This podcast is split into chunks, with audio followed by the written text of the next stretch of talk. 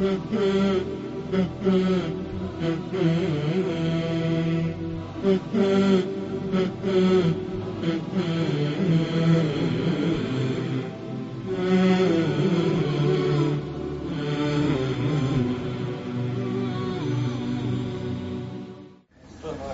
لله رب العالمين والصلاة والسلام على أشرف الأنبياء والمرسلين نبينا محمد وعلى آله وصحبه أجمعين U ovom druženju prethodnom govorili smo o stvarima koje su dozvoljene u namazu. Nakon toga govorimo o stvarima koje su zabranjene, svakako vidjet ćete i zabrana, nisu sve zabrane isti. Tako da nekada stvar koja je zabranjena je mekruh, a nekada stvar koja je zabranjena je haram. Shodno težini zabrani. Pa prva stvar, šta je zabranjeno namazu, jasno što je definisano hadizma jeste podizanje pogleda u nebo. Znači, čovjeku u namazu, njegov pogled možemo podijeliti u tri kategorije. Najljepši je gledati u seždu, dozvoljeno je gledati predase, jer imate jasne hadise, su Boži ashabi, Božih poslanika gledali s i gledali su micanje njegove brade, znači što ukazuje da su oni gledali u njega. A podizanje pogleda u nebo je haram pokuđeno znači pokuđu u smislu haram zabranjeno. Kaže Boži poslanik alaih salatu wasalam, ili će ljudi prestati podizati pogled u nebo, ili će im biti njihovi pogledi ukočeni, znači bukvalno će čovjek znači paralizovati ili nešto slično tome.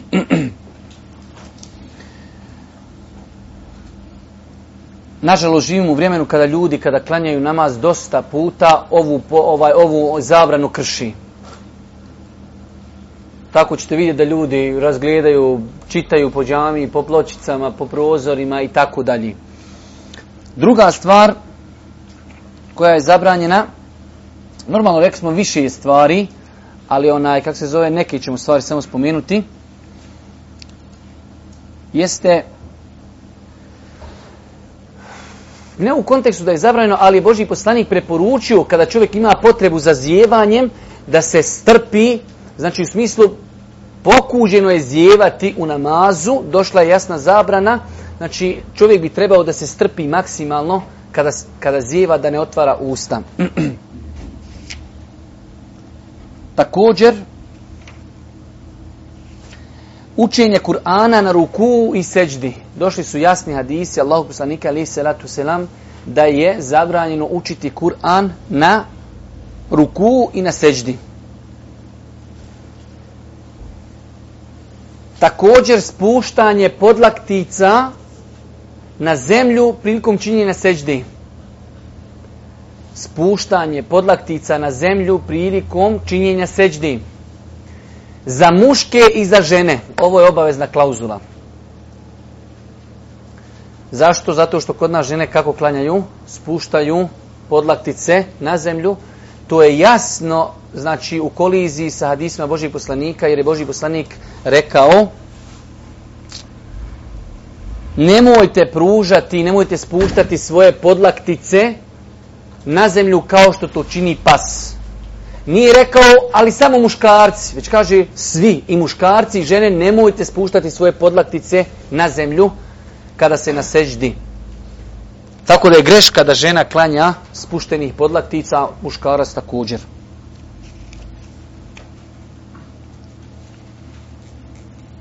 Također, od stvari koje su zabranjene jeste preticanje imama. To je također jedna, nažalost, dobro rasprostranjena stvar. Preticanje imama u namazu. Predstavljanje imama u namazu može biti dvije kategorije. Preteći imama u samom početnom tekbiru. Ti vidiš hođa pošao dizati ruke, a ti prije njega. Allahu ekver. Znači, tvoj namaz je neispravan. Neispravan. Sve druge radnje, ako bi čovjek pretekao imama, učinio je haram, a ako se vrati, ako Bog da njegov namaz je ispravan, s tim što postoji razno razna tumačenja, generalno treba zapamtiti da je zabranjeno haram preticati imama u namazu. Ja sam navodio nekad ljudima primjer. Preticati imama u namazu je kao primjer čovjeka putuje iz Sarajeva u Zencu s autobusom. I kad ure dođu do Zenice, on, a sjedio i nazad, on, on otrči dole do šoferšajbe i dole, oče, eto da dole dođe, pa ne možete nikako prije autobusa doći u Zenicu. Isto u namazu. Zašto predstati mama ti ne možeš završiti namaz dok hođa ne rekli eselamu alaikum, eselamu alaikum. Ne možeš nikak upu namaza ti završiti. Koja korist od preticanja? Ništa osim što te šeta na to nagovara. I zato znači kažemo, Boži poslanik alaih salatu wasalam, kaže, zar se ne boji onaj ko podiže glavu sa rukua prije nego što tu radi imam, da mu Allah ne promijeni njegovu glavu magarećom glavom. I vi znate, ja sam navodio jednu priču oko koje postoji malo razilaženja, da li je vjerodostojen ili nije, ali znači navode i veliki učenjaci u svojim knjigama da je jedan Ših učio hadis, hadisku nauku od jednog svog učenjaka koji mu je neprestano diktirao iza zastora. I dugo godina je kod njega učio, on mu je diktirao. Pa mu onda jednom rekao, ših, mogli znaš šta je razlog što ti nikad ne pokazuješ nama svoje lice, zašto ne iziđeš pred nas? da on kazao, kaže, vidim da dugo godina kod mene sjediš, učiš, vidim da si iskren, kaže, pa je sklonuo taj zastor, kaže, kada sam ga pogledao, kaže, vidio sam insana sa magarećijom glavom. Pa sam rekao, šta je to, kaže, kada sam čuo ovaj hadis koji je u osnovi Buhari i muslimu, kaže, nekako sam ono kao posumnio ili kao velika je to stvar da se to nekom, zar se to može desiti? Pa sam, kaže, pretekao svjesno imama pa mi Allah glavu zamijenuo magarećom glavu. Veliki učenjaci navode ovu predaju, iako znači postoji malo razilaženje, je li vjerodostojan ili nije, ali svakako hadis je vjerodostojan. Da Boži poslanik kaže, a zar se ne boji onaj ko podigne svoju glavu sa a prije nego što tučni imam, da mu Allah njegovu glavu ne zamijeni magarećom glavom. Zato, znači, na osnovu ovog hadisa islamski učenjaci kažu strogo zabranjeno je preticati imama i to je haram. Također, zabranjeno je klanjati u prisustvu hrane, znači a čovjek ima potrebu za tom hranom.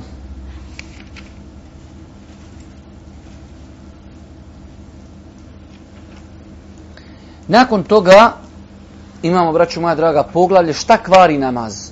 govorili smo šta možemo raditi u namazu, šta je zabranjeno namazu, šta kvari namaz.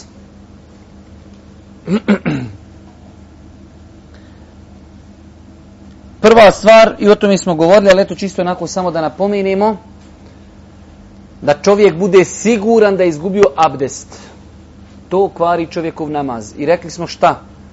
Čovjek mu je haram, haram, veliki grijeh da nastavi klanjati namaz, a on svjestan da nema abdesta. Čak po imamu Ebu Hanif šta smo kazali da je to dijelo kufra i nevjerstva. Da se neko izigrava s vjerom klanja bez abdesta. Znači onog momenta se desi čovjeku u namazu, što je normalno, sa što se može desiti svakome, jer je to insan, insan, da izgubi abdest u namazu, insanu je obaveza da prekine namaz i da iziđe. Ali šta smo rekli, koji uvjet? Da bude siguran. Ne da bude ono možda. Sve dok je možda haramu je napustiti namaz. Pogledaj, ovdje između dva harama ne smiješ napustiti namaz sve dok ne budeš sto posto sigurno si izgubio abdest. Sve dok kažeš, ne smiješ. Sve dok si pola, pola, sve dok sumnjaš, ne smiješ. Jer Boži poslanik kaže u Hadisu Buhari i muslima, la sarif, Kad su ga pitali o čovjeku koji ima problema sa crijevima, znači grče mu crijeva, kaže neka ne prekida namaz, zabranju mu prekinuti namaz. Sve dok kaže ne čuje, znači, ili da čuje, znači miris, ili neugodan miris ili znači zvuk, ali vratio je ga na nešto sigurno. Sve dok ne bude, kaže, siguran, ne smije prekinuti namaz. A ako bude siguran, onda mu je haram ostati u namazu. Sjećam prošle godine, ne znam da li je od vas neko pratio, ja sam za vrijeme Ramazana odgovarao na pitanje odgovore tokom Ramazana u toku onu najveće od teravije do sehura. dolazim jednu noć, pitanje, čovjek kaže, dobro namjerno, nekad kako neznanje čovjeka može koštati. Kad došao sam pred džamiju, sjetio sam se, kaže, da nemam abdesta. Ali kaže ono, kad sam već, kaže, pred džamijom i stid me ljudi, ja sam kad ušao i klanio i djaciju i teraviju bez abdesta. Iako ja tu, kaže, pusti kući i ponoviti. Jel to, kaže, jesam li griješan?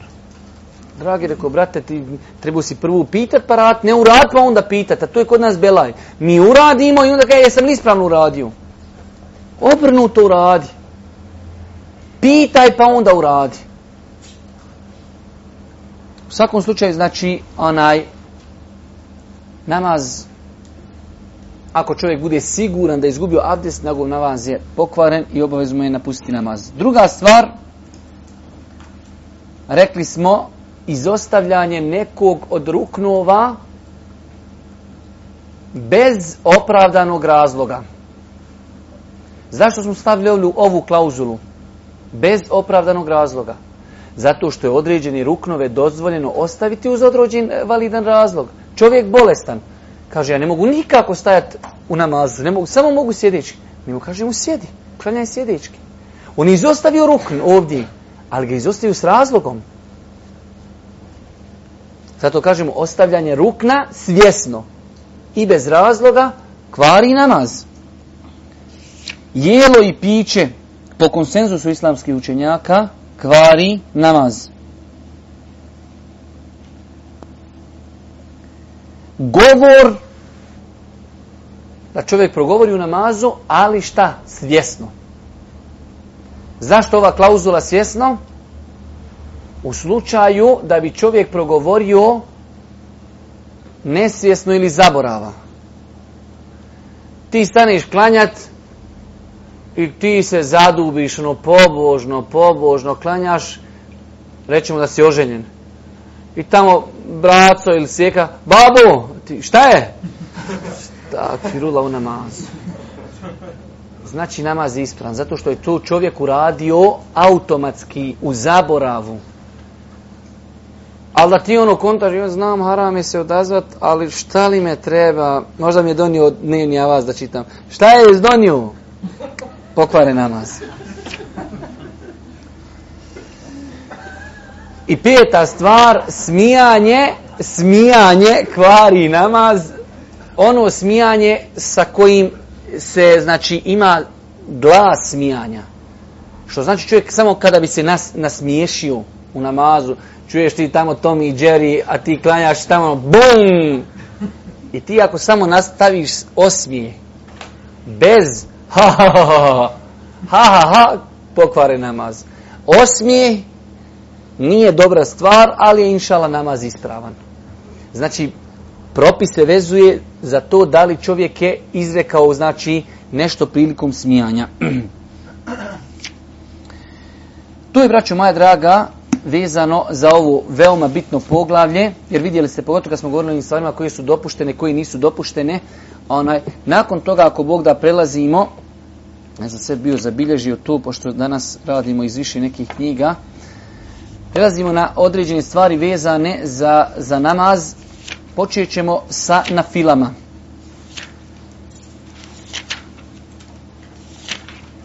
da obradimo neke na file, pa primjer radi prva na fila jeste vitr namaz. Mi smo do sad govorili mnogo o propisima, o farzima. Sada počnemo govoriti o nekim nafilama koji su nam potrebne da znamo propise vezane za te nafile u svakom životu. Ja, znači, neki od vas znaju, neki ne znaju, ali na tim nekim web odgovaram na pitanje, odgovore i dosta puta uživo. Znači, veoma često, veoma često ljudi postavljaju pitanje vezano za vitr namaz mnogo više nego za, za ajde da kažemo, farz namaze. Tako da onaj, čak sam razmišljao nekad, pa da li olakša, možda čak pisati neku studiju veću o vitr namazu. Jer sam vidio da doista mnogo ljudi onaj ne poznaje propise oko vitr namaza. Prvo pitanje jeste propis vitr namaza. U smislu, je li obaveza klanjati vitr namaz ili nije? Ubiđen sam da velik broj vas zna da postoji razilaženje, da je naš hanefijski mezheb smatrao da je to vađb. Dok su ostala tri mezheba smatrali da je to pohvalno, ali jako pohvalno, takozvani potvrđeni sunnet, sunnet mu ekede. U svakom slučaju to razilaženje po meni je veoma blizu, možda je malo više i jezičko, i sami učenjaci Hanefijske pravne škole oni ne kažu nije isto podni namaz i vitr namaz podni je farz, ovo je vađi malo niži. A dok džumur isto tri mezeba, oni kažu, znači, nije to kao vađib, ali je tu blizu.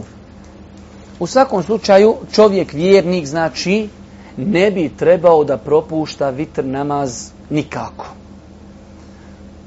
Ni na putu, ni kada je kod kući. Jer govorit ćemo o nafilama, ostalim, na primjer potvrđeni sunneti, Čovjek kada je na putovanju, Allah najbolje zna, prioritetnije da ih ne klanja. Jer ako ti Allah dopustio da skratiš farz na pola, kakva je onda logika ti skratiš farze na pola i onda klanjaš još i sunnete. Malo nelogično. Ali vitr se klanja i kući i na putovanju kao što je, govorit o profesiju i kao što je slučaj sa sabahskim sunnetima. To su dvije na file koji se ne ostavljaju nikako. I kod kuće se klanjaju i kada je čovjek na putovanju. Sabahski sunneti i vitr namaz. Znači, prvo pitanje vezano za vitr namaz jeste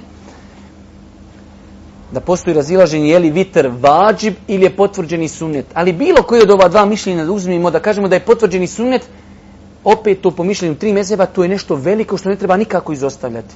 Po mišljenju hanefijskom, znači vađi, svakako to ne treba izostavljati. U svakom slučaju, znači, vitr namaz ima svoju veliku bitnost u islamu. Jerhamukallah. Znači, normalno je da se ne može kazati za vitr namaz da je farz, strogi farz, jer Boži poslanik kada je Moaz ibn Džebela slao u Jemen, kazao mu je ti ideš u Jemen, ideš kod ljudi koji su sljedbenici knjige, prvo što će biti ono što ih pozivaš jeste da posvjedoči nema drugog Boga osim Allaha. Ako to, kaže, posvjedoči, poduči da dnevno klanjaju pet vakata namaza. Pa je ovdje jasno poslanik rekao pet vakata namaza, to je vađib, to je obaveza, to je farz. Sve mimo toga je na nižem stepenu. Ali svakako, znači, to ne isključuje da vitr namaz ima svoju bitnost. Nakon toga vrijeme vitr namaza. Vrijeme vitr namaza počinje sa klanjanjem jacije. Znači u smislu sa završavanjem klanjanja jacije namaza pa sve do pojave zori. Ovdje se postavlja jedno pitanje interesantno, a to je šta će uraditi safir koji klanja akšam i jacinu spojeno u akšamskom vremenu? Hoće li klanjati i vitre u akšamskom vremenu? Jeste shvatili pitanje? Mi smo rekli da ja, e, vitr namaz počinje od vremena klanjanja jacije namaza do pojave zori. Da li to znači, ako mi kada smo musafiri i hoćemo spojiti namaz po e, akšam i jaciju u akšamskom vremenu, da li ćemo nakon toga klanjati i vitre? Hoćemo. Zašto? Zato što ako nam je Allah svevišnji dozvolio da jaciju koja je farz pomaknimo, pa da pomaknimo vitr mnogo je prioritetniji. Jer koja bi bila logika? Ti klanju akšam i jaciju, ti si putnik. Kažeš ja sam putovo, hoću da klanjam akšam i jaciju pa da bi mogao ranije leći da se odmorim. Ali mi ti kažemo ne, ne, ti klanja akšam i jaciju spoji, ali čekaj da jacija nastupi pa ćeš klanjati vitre. Šta sam uradio? Ništa. Ne znam da li me razumijete šta pričam, nekako me neki gledaju ko da čitaju kroz mene nešto vamo na Uglavnom, znači pitanje je da li se mogu vitre spojiti sa namazima, akšamom i jacijom onda kada se, govorit ćemo danas inšala ako stignemo, spajanje namaza. Imate nešto što se zove u šerijatu spajanje namaza kada se podne i kindija mogu spojiti, klanjati ili u podnevnom ili u kindijskom vremenu. Akšam i jacija se mogu spojiti ili u jacijskom ili u akšamskom vremenu. Čovjek kada je musafir, ima potrebu, morio se mnogo, može spojiti pod, e, akšam jaci u akšamskom vremenu, da legni ranije spavati. I onda mi kažemo spoji i vitre, ako ti Allah dozvolio da farz klanjaš mimo njegovog vremena, da ga spojiš, onda da vitre svojiš je mnogo prioritetniji. Nadam se, inšala, smo bili jasni. Do pojave zori.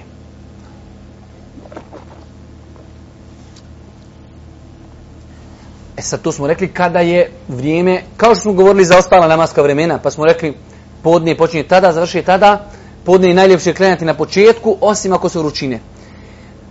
Vitr namaz je najljepše klanjati u zadnjoj trećini noći sa klauzulom za onoga ko zna da može ustati.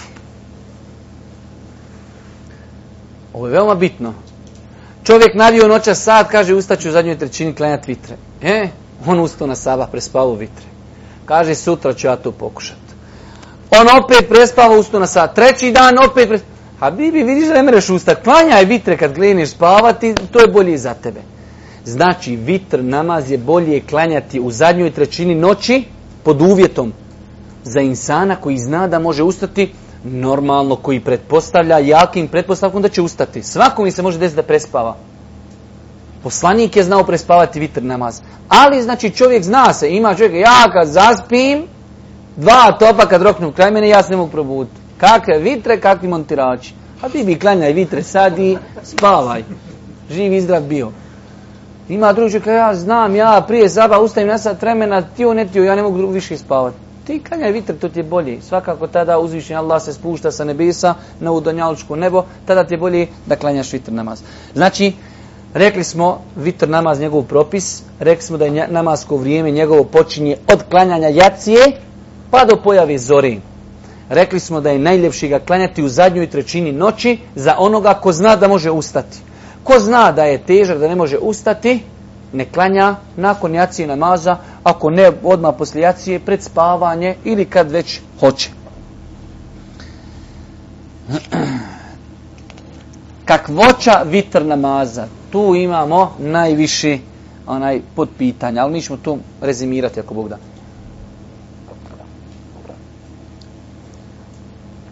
Vitr nama se može klanjati od jednog rekiata, jedan, do 13, toliko je poslanik klanjao, a može i više znači. Ali evo mi kažemo od jedan, ovo nam je najbitnije da se vitr namaz može klanjati jedan rekiat.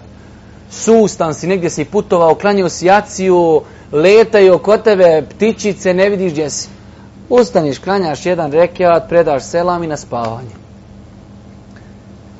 I nema nikakve pokuđenosti u tome. Da neko ne pomisli, to je nešto kao sad sam uradio nešto pola. Ništa nisi uradio pola, uradio si ono što ti je naređeno vjerom. Znači može se klanjati jedan rekiat vitara i to je u osnovi nešto što u, u arapskom se zove vitar, ne par. Jedan, to je ne par.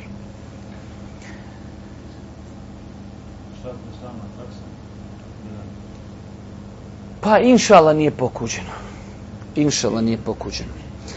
Imamo tri rekiata i to je najveća praksa našeg naroda. Tri rekiata. Inače vitr nama znači može se klanjati na mnogo načina.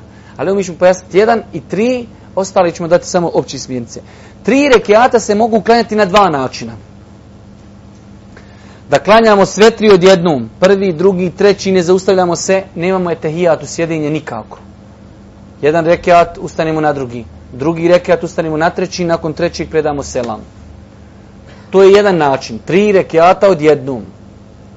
Drugi način, dva rekiata, sjedenje, selam Treći rekiat, sjedinje, selam. Prvi način tri od jednom, rafalno. Drugi način dva, sjedinje. Predamo selam, ustajemo na treći, sjedamo, ne mislim, ustanimo podma sjedimo, ustanimo sve ono, sklanjamo kako treba, predajemo selam nakon trećeg. Onaj način kako se kod nas klanja Znači, došao je jasan hadis Božih poslanika da je to zabranjeno tako klanjati vitr namaz, jer je to ponašanje akšam namaza. Doći nam to poslije opet u teraviji, a šta ćemo ako hođa klanja, tako ćemo mi za njim klanjati. O tome ćemo poslije.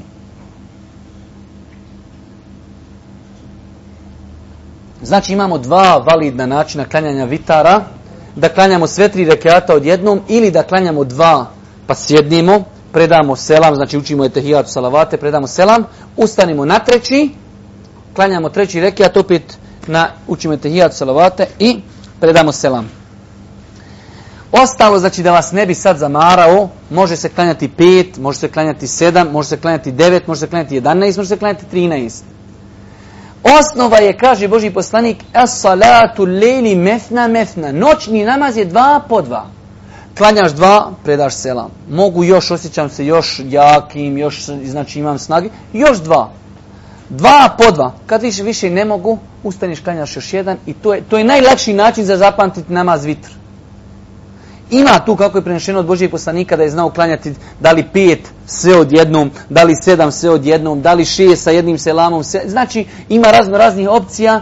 Nemamo vremena da to sve pojašnjamo. Najlakše je zapamtiti. Može se klanjati jedan rekiat, Može se klanjati tri rekiata na dva načina, validna.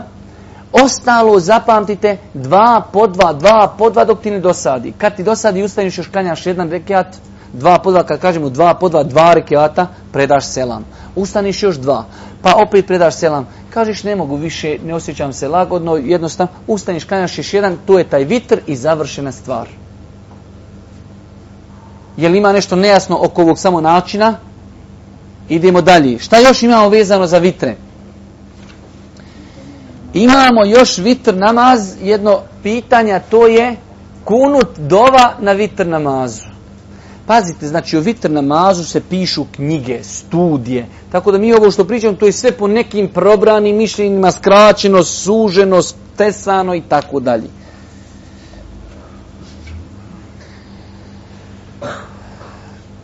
po mom nekom skromnom mišljenju reci Ja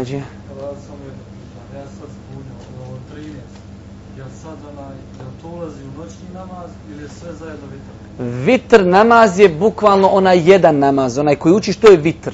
Ali isto tako i taj noćni namaz sve je to na fila noćnog namaza koja se i sa vitrom sa jednim. Tako da je to više igra riječi nego nešto, nešto različito. Noćni namaz i vitr to je ista stvar. Eto, kratko jasno. Oko kunuta, znači kunuta, kunut je dova na vitr namazu, postoji različite, različiti pogledi u lemi. Neki kažu ne uči se nikako, neki kažu uči se non stop, neki kažu uči se ponekad. Ja smatram da je ovo mišljenje središnji da se čovjek na, na vitru, znači na trećem rekiatu, i opet ćemo govoriti kada. Čovjek je, znači, ajde rećemo, klanja ili jedan rekiat, klanja jedan rekiat vitara proučio je Fatihu, proučio je suru, kada će učiti dovu? Po mišljenju određenog učenjaka i gledano s aspekta dokaza, to je mišljenje jači da se vitr dova, takunu dova uči odmah nakon kirajeta, prije odlaska na ruku. Ali inšala to pitanje ima tu širini. nisu to precizirana puno pitanja. Kunut se može učiti poslije kirajeta, a prije odlaska na ruku, a može se učiti nakon što se čovjek vrati sa ruku, a prije odlaska na seđdu. Generalno, znači, pravilo je, inšala, da kunut dova ne treba da bude stalna na vitr mazu. Nekada se uči, nekada se ne uči. Nekada se može učiti poslije kirajeta prije odlaska na ruku, a nekada poslije povratka sa ruku, a prije na seždu. Jer rekao sam vam, znači, dokazi u tom poglavlju su, znači, onaj, nisu direktni i nisu jasni. Tako da onaj ne treba to puno zatezati ljudima. Generalno znači bitno je da čovjek onaj kao namaz, namaz da taj vitr klanja, da ga ne ispušta. Taj kunut, dova, znači njeno pitanje, prvo u osnovi da li će učiti, neće učiti, ima tu dosta prostora za, za hajde kažemo širi neke poglede, može nekad učiti, može nekad ne učiti. Isto tako kada će učiti, može je učiti, znači učio je Fatihu, učio je Suru, nakon toga podigne ruke i uči fatihu. O, uči onaj kunu dovu. Može otići na ruku, subhana rabija lazim, subhana rabija dove prouči i vrati se, semi Allahu limen hamida, rabbena veleken hamd, i onda počne opet učiti kunu dovu. Znači može i jedno i drugo prakticirati, onaj ako Bog da, sve to ispravno. Također, od pitanja koja su vezana za vitr jeste šta će čovjek urati koji prespava vitr namaz. Jer ovamo kada smo govorili o farz namazima, rekli smo šta? I danas ćemo to još malo potvrditi kada budemo govorili o zabranjenim vremenima. Da čovjek kada zaboravi namaz onog momenta kada se sjeti, on će naklanjati taj namaz, makar bio u vremenu kada je zabranjeno klanjati na filu. Čovjek legne i spavat prije podni. I mašala, popio tri apaurina, on je konto po i pol milimetra, on popije po deset miligrama Zaspe rođo, prespava podne, pred sam jakšan se probudi. Nisam klanio podne. Ali kaže, sad je vrijeme kad je zabran klanjati na filu. Ko mene jedan brat zove, kaže, nisam klanio podne, ali kaže, sad je vrijeme kad je zabran klanjati na filu. Pa dragi, pa ti sam kažeš zabran klanjati na filu, nije zabran klanjati farze. Klanjaj farze i to je to. Tako da znači, onaj, rekli smo za farze, ako smo ih prespavali, naklanjavamo ih odmah dok se sjetimo. To je naše namasko vrijeme. Onog momenta kada si setio, kada si se probudio, tada ti je nastupilo namasko vrijeme. Šta je sa vitrom? Vitr namaz ako se prespava, naklanjaće se, to je prvi propis pitanja, da li će naklanjati ili neće? Hoće, naklanjaće se. Naklanjaće se, inšala, nakon izlaska sunca pa do podne, kad stigne. Drugi propis. Treći propis naklanjaće param broj za jedan veći od onoga što on ima običaj da klanja vitre. Uf, šta si tu sad rekao, dragi Allah. Prvo, kažemo naklanjači. U periodu od izlaska sunca do podni namaza. Na način što će klanjati paran broj, jer su dnevni na file parni. Za jedan rekiat više od onoga što ima običaj da klanja. Onaj koji ima običaj da klanja uvijek tri i jednu noć prespava mi mu sutra kažemo prespavo si, od izlaska sunca pa do podnje klanjaj, nađi vremena klanjaj četiri rekiata na fili. Zato što je on prije običavao tri, dodamo na taj tri još jedan, to je četiri. Onaj koji ima običaj da klanja jedan, kažemo mu sutra klanjaj dva rekiata. Onaj koji ima običaj da klanja pet, kažemo mu sutra naklanjaj, klanjaj šest rekiata.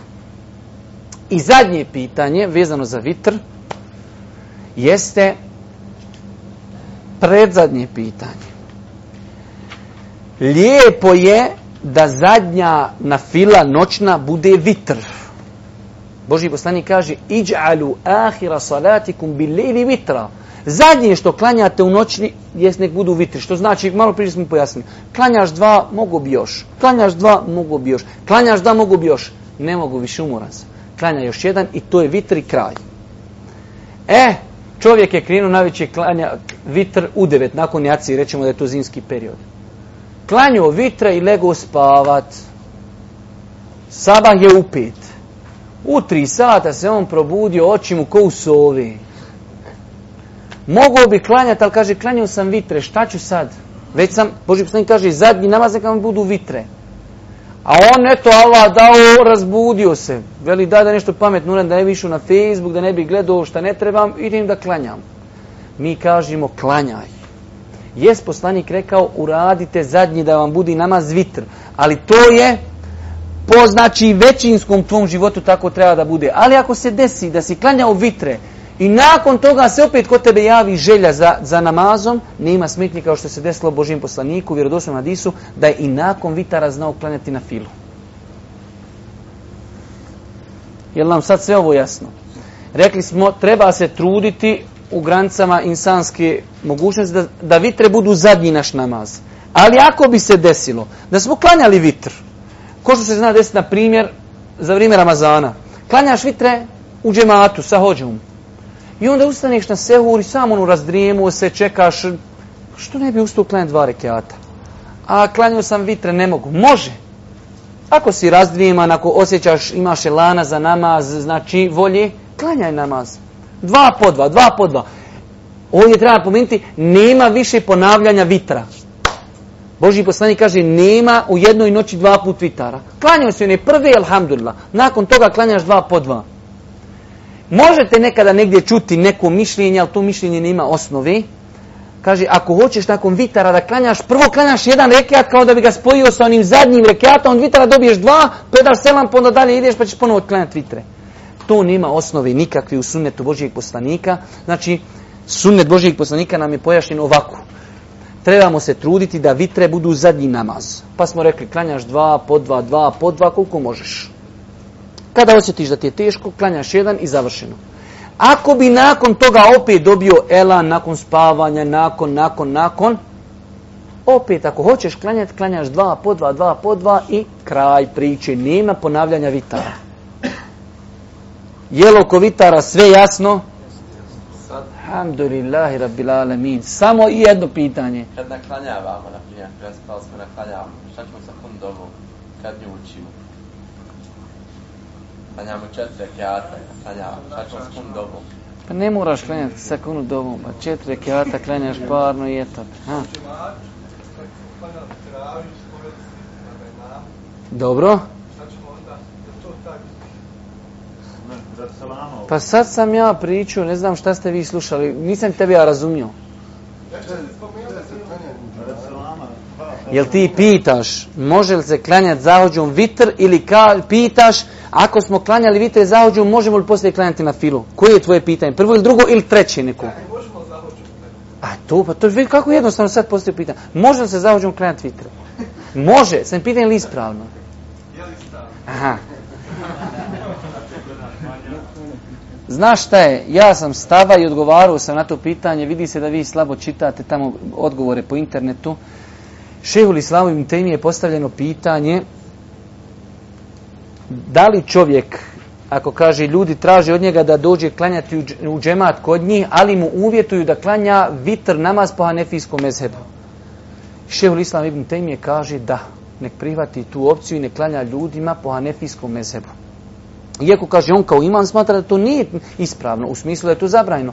Ali kaže džemat od njega traži.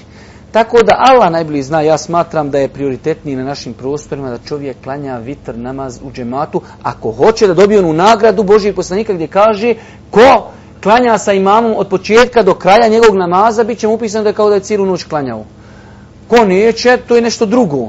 Ali znači, ona ja smatram da su to mezhevske razlike gdje postoji malo tolerancije. Kao što imam koji primam, ja vidim imama. Ja i on zajedno sjedimo. I jedemo večeru, neki nam ara poslu, eto, Allah ga nagradio, 5 kila devinog misa. ja i on jedemo, ja im kažem, ovo je devino meso. Kaže on, pa neka, ja sam anefijskog mezeba, po meni to jedenje devinog misa ne kvari abdest. Ja kažem, Boga mi, ja sam isto možda hanefijskog meseba, ali kvari po meni, imaš jasan hadis. Kažem, po meni ne kvari. Ja odim abdestim, on ne abdesti. I on nas predvodi u namazu. Šta ću ja sad tom čovjeku? Prvo reći, Habibi izlazi iz mihraba, po meni ti nemaš abdest. On klanja po svom ubiđenju, a ja ga slijedim zato što mi je imam. Isto ta teravija. Kad bi on meni rekao, haj ti nas predvodi, ja ću klanjati kako mislim da je po mom ispravno. Ali kad on predvodi, ja njega slijedim u ja mislim da tu postoji ta mezhebska tolerancija da se mogu klanjati vitre za imamom. Naročito ako na to sve pridodamo činjenicu znači izlaziti iz džamije. Ja bi rađe ako će neko iziđe, iziđe ono nakon osam, tada je manji, ali samo znači klanjati 20, nakon toga izlaziti, ja lično bi ostao klanjati vitre. Allah najbolje zna.